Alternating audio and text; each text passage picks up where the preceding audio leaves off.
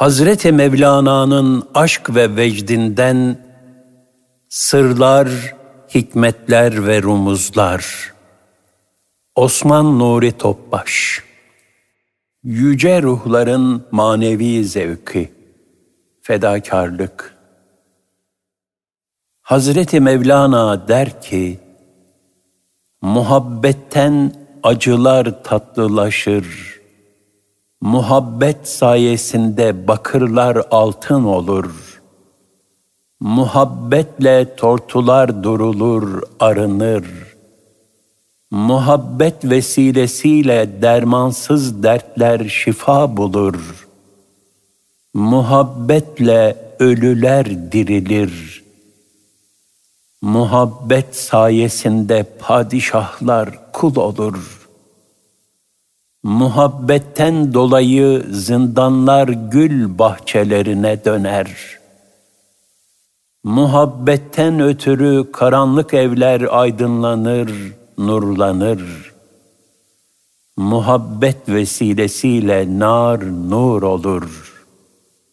Hasılı muhabbetle kahır rahmet olur. Yüce ruhların manevi zevki, fedakarlık, ızdıraptan lezzet almak. Mevlana Hazretleri, sevenin sevdiği uğrunda katlanacağı fedakarlıkları şu temsili hikaye ile anlatır. Bir efendiye hediye olarak bir kavun getirilmişti. O da sevdiği gönüldaşı, derin duygulu, sadık hizmetkarı Lokman'ı çağırttı. Lokman gelince efendisi kavundan bir dilim kesip ona ikram etti. Lokman o dilimi sanki bal gibi, şeker gibi yedi. Efendisi ona ikinci bir dilim daha verdi. Zira efendisi Lokman'ın duyduğu bu lezzet karşısında huzur buluyordu. Derken kavundan son bir dilim kaldı. O zaman efendisi bunu da ben yiyeyim de ne kadar tatlı bir kavun olduğunu anlayayım dedi. Efendisi o dilimi yer yemez kavunun acılığından ağzını bir ateş kapladı. Dili uçukladı, boğazı kavruldu. Kavunun acılığından kendinden geçti. Ondan sonra Lokman'a sordu. Ey benim canım hizmetkarım! Böyle bir zehri nasıl oldu da tatlı tatlı yedin?'' Neden bir şey söylemedin? Lokman dedi ki, ben siz Efendimizin elinden o kadar tatlı yemekler yedim. Maddeten ve manen o kadar çok nimetleriyle perverde oldum ki, size bunlar için mukabelede bulunamadığımdan dolayı mahcubiyetimden iki büklüm olmuşumdur.'' Elinizle ikram ettiğiniz bir şeye bu acıdır, yenilemez, nasıl diyebilirim? Hem sizin elinizden gelen her acı bana tatlı gelir. Çünkü bedenimin bütün cüzleri sizin nimetlerinizle perverde olmuştur. Sonra Lokman heyecan ve muhabbet dolu sözlerle içini dökmeye şöyle devam etti. Efendim, sizden gelen bir acıdan feryat edersem, başıma yüzlerce defa toprak saçılsın. Lütufkar elinin tadı bu kavunda nasıl acılık bırakır? Muhabbetten acılar tatlılaşır.'' Muhabbet sayesinde bakırlar altın olur. Muhabbetle tortular durulur, arınır. Muhabbet vesilesiyle dermansız dertler şifa bulur. Muhabbetle ölüler dirilir. Muhabbet sayesinde padişahlar kul olur. Muhabbetten dolayı zindanlar gül bahçelerine döner. Muhabbetten ötürü karanlık evler aydınlanır, nurlanır. Muhabbet vesilesiyle nar nur olur. Hasılı muhabbetle kahır rahmet olur. Bezmi alem valide sultanın dediği gibi, muhabbetten Muhammed oldu hasıl, Muhammedsiz muhabbetten ne hasıl? Kıssadaki hizmetkar, Allah yolunda candan ve maldan fedakarlıkta bulunmayı canına minnet bilen bir mümin kulu temsil eder. Zira dünya hayatında sadık mümin kullar canlarını da mallarını da cennet karşılığında Cenab-ı Hakk'a satmışlardır. Ayet-i kerimede buyurulur. Allah müminlerden canlarını ve mallarını cennet karşılığında satın almıştır. Onlar Allah yolunda savaşarak öldürürler ve öldürülürler. Bu Tevrat'ta, İncil'de ve Kur'an'da verilen gerçek bir vaattir. Verdiği sözü Allah'tan daha çok tutan kim vardır? Öyleyse onunla yaptığınız alışverişe sevinin. Bu en büyük başarıdır. Et-Tevbe 111 Şehadet Fedakarlığın zirvesi Allah yolunda şehitliktir. İvazsız, garazsız, sadece Allah rızası için canını vermektir. Can tatlıdır. İnsan ölümden korkar. Hayatının uzun olmasını ister. Fakat Allah yolunda canından geçebilenlere Cenab-ı Hak çok daha büyük manevi lezzetler tattırır. Hadis-i şerifte buyrulur. Cennete giren hiçbir kimse yeryüzündeki her şey kendisinin olsa bile dünyaya geri dönmeyi arzu etmez. Sadece şehit gördüğü büyük itibar ve ikram sebebiyle tekrar dünyaya dönmeyi ve on defa şehit olmayı ister.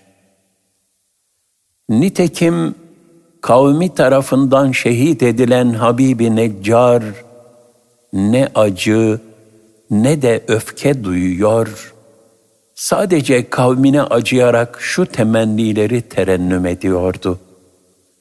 Keşke Rabbimin beni bağışladığını, ve beni ikrama mazhar olanlardan kıldığını kavmim bilseydi. Yasin 26-27 Ancak fedakarlıktaki bu ruhani zevke ulaşmak, kalbi bir terakki ister.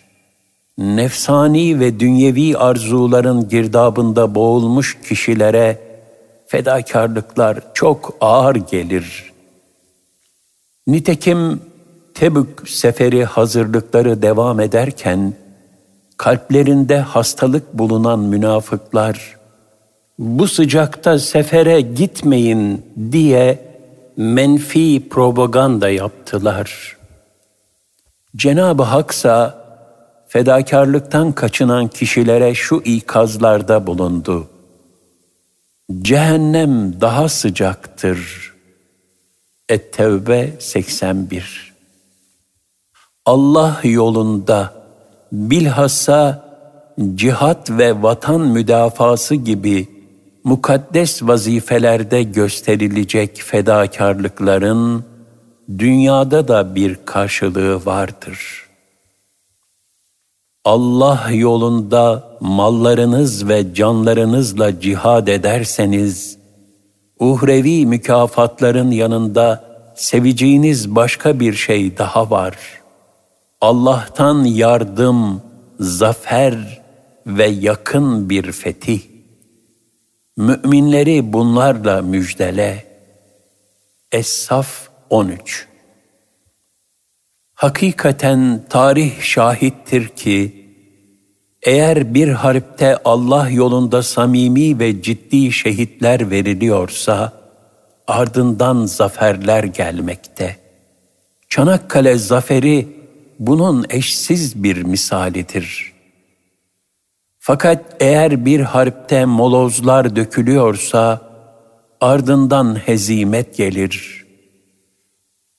Öyleyse tıpkı Çanakkale cephesindeki sancaklarda yazdığı gibi din, vatan, namus ve ittihadın bekası için fedakar ve diğergam gençler yetiştirmek zaruridir. Bu hususta bizlere rehber olan ashab-ı kiram benzersiz fedakarlıklar sergilediler. Bedir'de ve Uhud'da canlarını ortaya koydular. Şehadet için yarıştılar. Çünkü onlar Allah Resulüne can feda edeceklerine dair iştiyakla beyat ettiler. Hendek'te açlık ve muazzam endişeler içinde fedakarane gayret ettiler. Hudeybiye'de ağacın altında Peygamber Efendimiz sallallahu aleyhi ve selleme biz senin gönlündekine beyat ediyoruz dediler. Mute'ye giden kumandanlar şehit olacaklarını bile bile bayrama gider gibi cepheye koştular. Tebliğ ve ilayı kelimetullah için dünyanın dört bir yanına yayıldılar. Fedakarca koştular.'' Çölleri nasıl aşacağım? Harcırahım ne olacak? Beni cellatlardan kim koruyacak demeden sefer ettiler. Zaferlere ulaştılar. Onları kendilerine numune bilen Fatih ve Yiğit askerleri de İstanbul surlarına tırmanırken bugün şehitlik sırası bende diye iştiyakla ileri atılıyorlardı. Bu fedakarlık ve kahramanlığın neticesinde surlara fetih bayrağını diktiler. Fedakarlık bir davanın ihtiyaç duyduğu yetişmiş ideal insan şahsiyetinin en mühim ve vazgeçilmez hasletidir. Her zaman aranan, özlenen, iştiyak duyulan bir vasıftır. Ah fedakarlık! Hazreti Ömer radıyallahu an hilafeti zamanında bir gün dostlarıyla oturuyordu. Onlara Allah'tan bazı talep ve temennilerde bulunmalarını söyledi. Adeta onların hayal ufkunu görmek istedi. Oradakilerden bir kısmı, içinde bulunduğumuz şu hane dolusunca paralarım olsun da, Allah yolunda infak edeyim şeklinde niyet izhar etti. Bir kısmı şu ev dolusu altınım olsun da Allah için harcayayım tarzında temennide bulundu. Bazılarının hayali de şu hane dolusu mücevherlere sahip olayım da onları Allah yolunda sarf edeyim şeklinde oldu. Ancak Hazreti Ömer bu ufku yeterli bulmayıp daha daha fazlasını isteyin deyince onlar Allah Teala'dan daha başka ne isteyebiliriz ki dediler. Bunun üzerine Ömer radıyallahu an bense içinde bulunduğumuz şu hanenin Ebu Ubeyde bin Cerrah, Muaz bin Cebel ve Huzeyfetül Yemani gibi müstesna, fedakar, hizmet ve gayret ehli, ideal ve yetişmiş kimselerle dolu olmasını ve bunları Allah'a itaat yolunda yani tebliğ ve ıslah hizmetlerinde istihdam etmeyi temenni ederim dedi. Bu vasıfta fedakar insan bulmanın zorluğunu ifade sadedinde şu menkıbe çok manidardır. Sultan II. Murat tanışıp çok hürmette bulunduğu Hacı Bayram Veli Hazretlerine bir ferman vermiş, onun talebelerinin ilim ve irfanla huzur içinde meşguliyetlerini temin için onları vergi ve askerlikten muaf tuttuğunu bildirmişti. Ancak bu iltifat maalesef menfaat için de dergaha çokça insanın akın etmesine sebebiyet verir. Hatta Ankara civarının vergilerinde düşüş olur. Nihayetinde Sultan Murat da tedbiren Hazretten müridanın listesini talep eder. Bunun üzerine Hacı Bayram Veli bütün tabiilerini Kanlı Göl mevkiinde toplar. Meydana büyük bir çadır kurdurur. Bir imtihan yapacaktır. Hacı Bayram Veli Hazretleri gelenlere hitap eder. Dervişlerim, bugün Allah Teala'ya kurban olma günüdür. Canını, malını bu uğurda feda etmek isteyen çadıra girsin. Kalabalık içinden bir yiğit çıkar ve çadıra girer. Herkes merakla ne olacağını beklemektedir. Birazdan çadırdan dışarı oluk oluk kan aktığı görülür. Çağrı tekrar edilir. Ardından bir de kadın çadıra girer. Yine dışarı kanlar akar. Bu dehşetli manzarayı görenler arasından çadıra girmeye cesaret edecek başka hiç kimse çıkmaz. Aslında çadırdan akan kanlar daha evvel oraya saklanmış olan kurbanlara aittir. Hacı Bayram Veli Hazretleri sultana müritlerinin listesi olarak sadece bu iki kişinin adlarını bildirir. Hazreti Mevlana fedakar insan bulmanın zorluğunu fakat aramayı asla bırakmamanın lüzumunu şöyle anlatır. Bir gece vaktiydi. Evimden dışarı çıktım. Kırlarda geziyordum.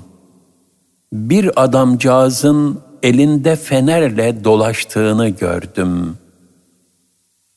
Bu gece karanlığında ne arıyorsun diye sordum. Adam insan arıyorum diye cevap verdi. Ona dedim ki, yazık, boşuna yoruluyorsun. Ben yurdumu terk ettim de onu bulamadım. Git evine yat, rahatına bak. Nafile arıyorsun, onu hiçbir yerde bulamayacaksın.'' Bulamayacağımı ben de biliyorum. Ama hasretle aramak bile bana lezzet veriyor. Aradığımın o olması içimi ferahlatıyor, dedi. Peygamberimiz sallallahu aleyhi ve sellem, Risalet hayatı boyunca ashabını fedakar, diğergam, cömert bir vasıfta terbiye etmiştir. Ashabın fedakarlığı öğrenmesi için nice ibret dolu hadiseler yaşanmıştır. Siyer-i Nebi bizler için bambaşka ibretler ve derslerle doludur. Fedakarlığın ehemmiyetini bize en çok bildiren hadise ise Tebük seferidir. Tebük, fedakarlık imtihanı. Tebük seferi her bakımdan bir zorluk seferiydi. Evvela mevsim yılın en sıcak zamanlarıydı. Medine'de hasat vaktiydi, meşgale vardı. Gidilecek mesafe çok uzundu, bin kilometre idi. Düşman devrin süper güçlerinden biri yani Bizans'tı.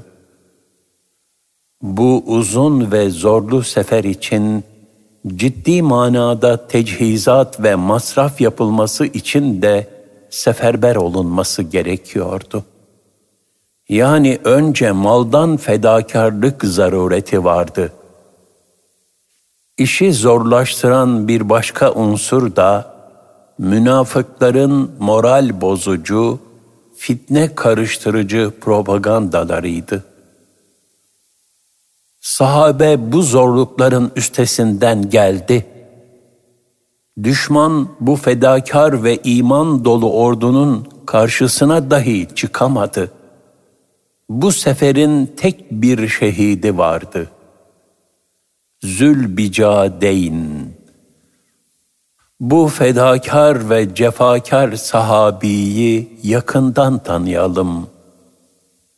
Babası öldüğünde Abdullah'a hiç mal bırakmamıştı.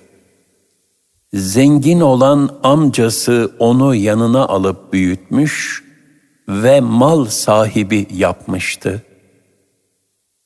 Allah Resulü sallallahu aleyhi ve sellem Medine'ye hicret ettiği zaman Abdullah Müslüman olmak ve onun yanına koşmak istemişse de müşrik amcası buna mani oldu.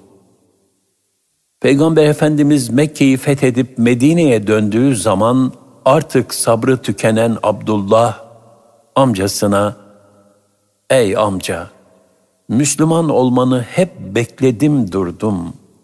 Senin hala Muhammed aleyhisselamı arzu ettiğini göremiyorum. Bari benim Müslüman olmama izin ver.'' dedi.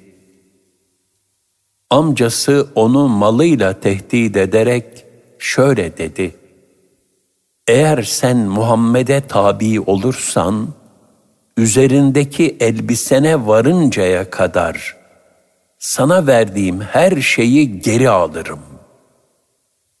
Abdullah radıyallahu an tereddüt bile etmedi ben vallahi Muhammed sallallahu aleyhi ve selleme tabi oldum.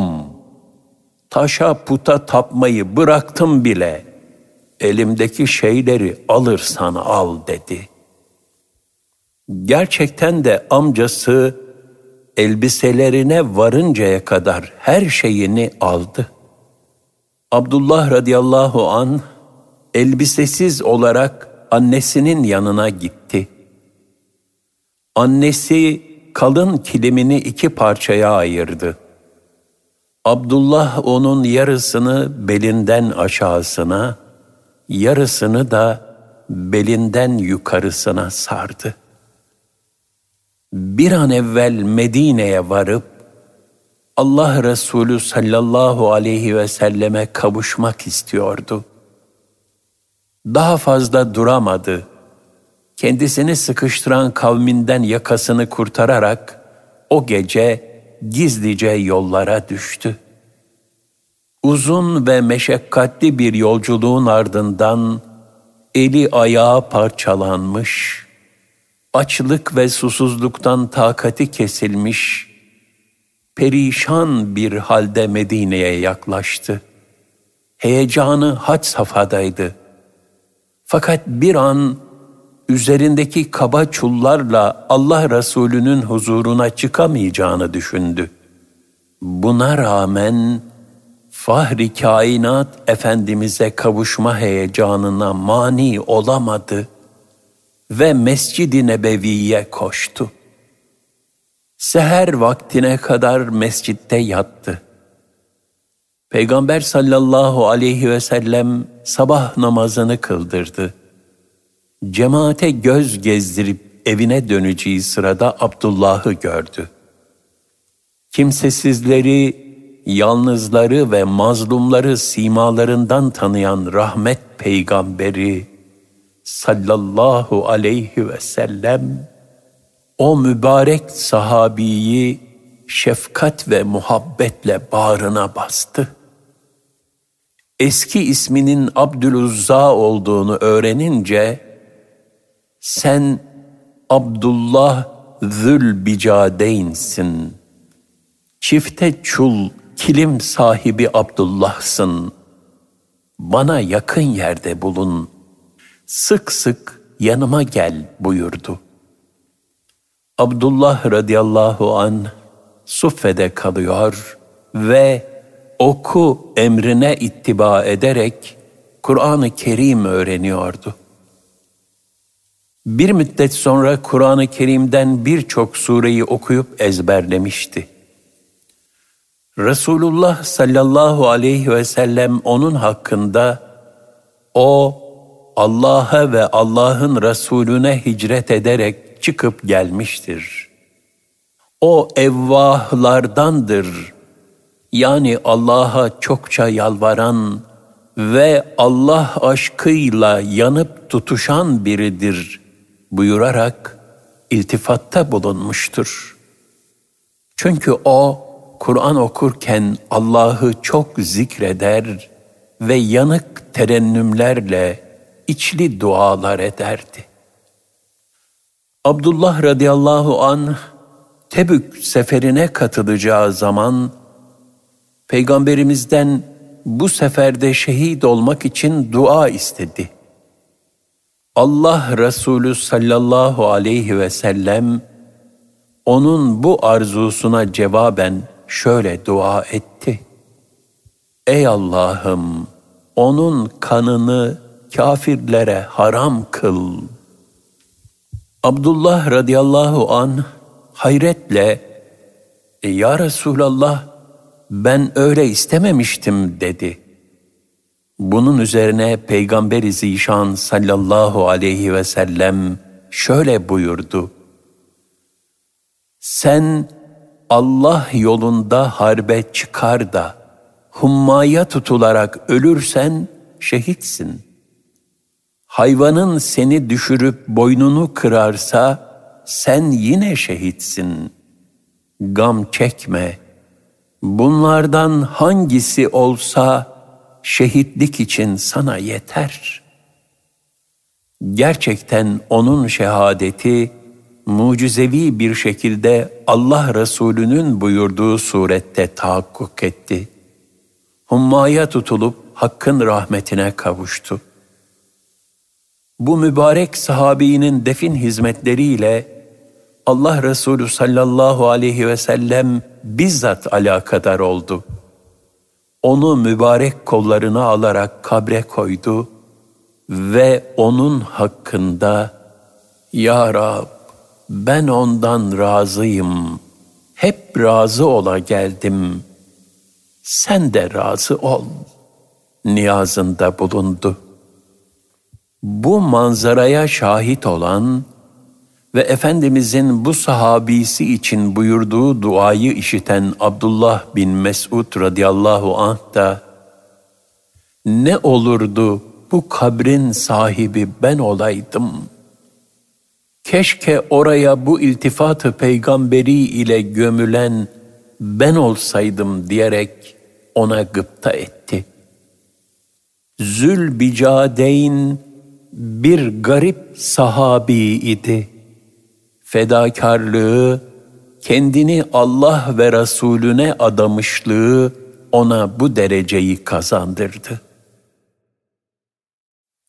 İhmalkarların cezası Buna mukabil Tebük seferine katılmayanları ağır bir muamele bekliyordu. Yalanlar söyleyerek mazeret beyan eden münafıklar hakkında şu ağır hitap nazil oldu. Onlardan yüz çevirin. Çünkü onlar necistirler. Yani leştir ve murdardırlar buyuruldu. Et-Tevbe 95 Bundan sonraki seferlere ganimet umuduyla katılmaları da yasaklandı.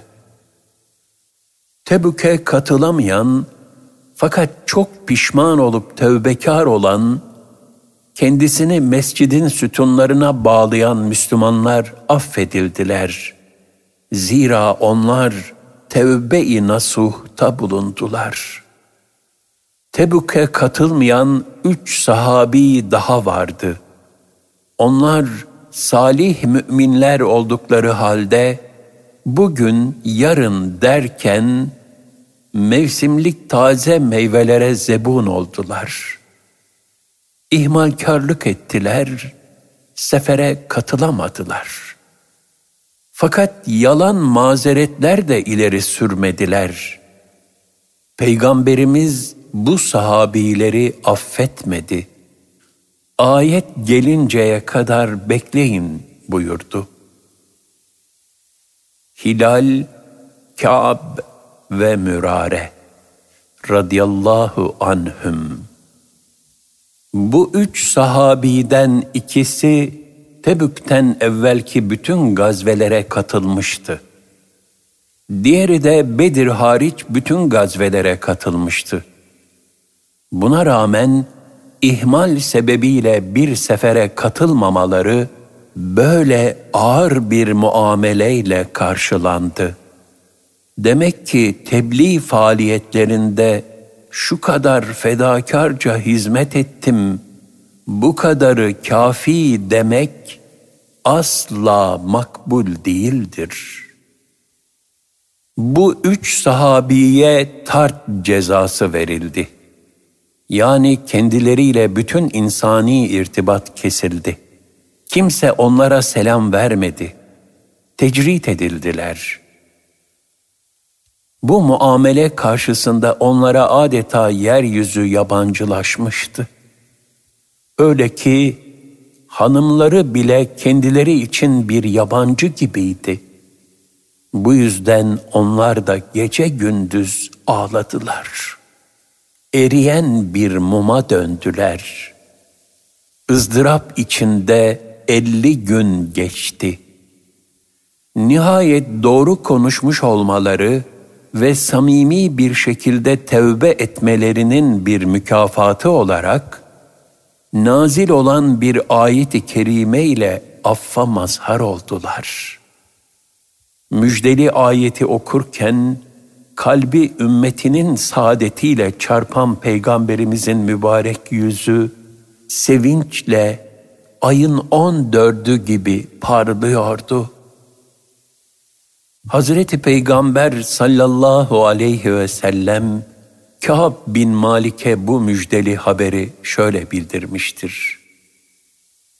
Seni doğduğun günden beri geçirdiğin en hayırlı ve mesut bir günle müjdelerim. Kâb bin Malik radıyallahu anh de Allah'ın bu yüce affına bir şükrane olarak Ya Resulallah ben de Allah ve Resulünün rızası için malımın hepsini tasadduk etmek istiyorum dedi. Ancak Allah Resulü sallallahu aleyhi ve sellem malının bir kısmını kendin için alıkoy. böylesi senin için daha hayırlıdır buyurdular. Bir tarafta her şeyini Allah ve Resulü yolunda feda eden Zülbicadey'nin mazhar olduğu iltifat, bir tarafta ihmalkarlara gösterilen ciddi ikaz, ilahi tehdit ve ceza. Hal böyleyken Allah yolunda gayretlerden uzak kalırsak ya bizim halimiz nice olur? Her birimiz bir Tebuk seferinde olduğumuzu unutmamalıyız. Allah yolunda yaptıklarımızı bir hiç görerek son nefese kadar daima hizmete devam etmeliyiz. İsar İsar, peygamberlere ve hakkın veli kullarına mahsus, fedakarlık ve cömertliğin zirvesi olan bir haslettir. Nefsinden fedakarlık yaparak, hakkından vazgeçerek, kendinin de muhtaç olduğu bir hakkı veya imkanı diğer bir mümine devredebilmektir.'' her halükarda kendinden önce din kardeşinin huzur ve saadetini düşünebilmektir.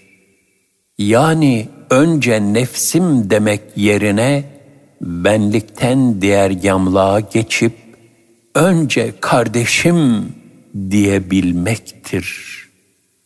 Hakim Tirmizi Kaddesallahu Sirrahu infakı ne güzel tarif eder. İnfak, başkasının sevinciyle huzur bulmaktır. Fahri kainat sallallahu aleyhi ve sellem Efendimiz bu faziletin de zirvesindeydi. Onun mübarek hanesine ganimetler ve hediyeler gelirdi. Fakat o sallallahu aleyhi ve sellem eline geçeni dağıtmadan rahat edemezdi. O fakirlerin doymasıyla açlığını unuturdu. İsar hane-i peygamberin öyle ayrılmaz bir vasfıydı ki Ayşe annemiz radıyallahu anha şöyle buyurmuştur. Resulullah sallallahu aleyhi ve sellemin aile efradı Medine'ye geldiği günden vefat ettiği güne kadar üç gün arka arkaya buğday ekmeğiyle karnını doyurmadı. Diğer bir rivayette de şöyle buyurmuştur. Dilesek doyabilirdik. Fakat Hazreti Muhammed sallallahu aleyhi ve sellem kendinden feragat ederek yani mümin kardeşini kendine tercih ederek isar ederdi. Fedakarlık candan ve maldan olduğu gibi bütün diğer imkanlardan da sergilenir. Bir misal olarak yaz mevsiminde camiler cıvıl cıvıl Kur'an öğrenmeye koşan çocuklarla dolu. Mektepler tatil olduğundan dolayı yaz mevsimi evlatları yetiştirebilmek için büyük bir fırsat. Fakat bu fırsatı ancak fedakar gönüller ganimete dönüştürebilmekte hizmetten uzak düşmeye bahane arayanlarsa bu bereketli mevsimi uzun ve gereksiz tatillerde heba etmekte. Rabbimiz fedakarlardan eylesin. Fedakarlık, hakka yakınlık ve dostluğun birinci şartıdır. Nitekim Hazreti İbrahim aleyhisselamın farikası Halilullah, Allah'ın dostu olmasıdır. O bu müstesna makama canından, malından ve evladından fedakarlık ederek nail olmuştur. Hazreti İbrahim ve Hazreti İsmail'in Hakk'a teslimiyetinden hatıra olan kurban ibadetinin kelime manası da yakınlaşmaktır. Yine bu ibadetin diğer ismi olan udhiye de fedakarlıkla aynı kökten gelir. Sözün özü fedakarlık göstermeden Cenab-ı Hakk'a yaklaşabilmek ve dost olabilmek mümkün değildir. İnsanlık bugün fedakar şahsiyetlere hasrettir. İslam alemi de bugün yetişmiş, fedakar ve ideal insanları beklemektedir. Ne mutlu arkasından fedakar insan mirası bırakarak şu gök kubbede hoş bir sada bırakabilenlere. Cenab-ı Hak hodgamlıktan, nefse ve hevasına uymaktan, kendini düşünmekten, pintilikten ve korkaklıktan muhafaza buyursun. Fedakarlık, şecaat, diğergamlık, İsar ve cömertlik faziletlerinden bizlere ve nesillerimize hisseler nasip eylesin. Bize bu vatanı emanet eden şüheda dedelerimize ve bu vatanı canı pahasına koruyan şehitlerimize Cenab-ı Hak sonsuz rahmet ve ihsanıyla muamele buyursun. Amin.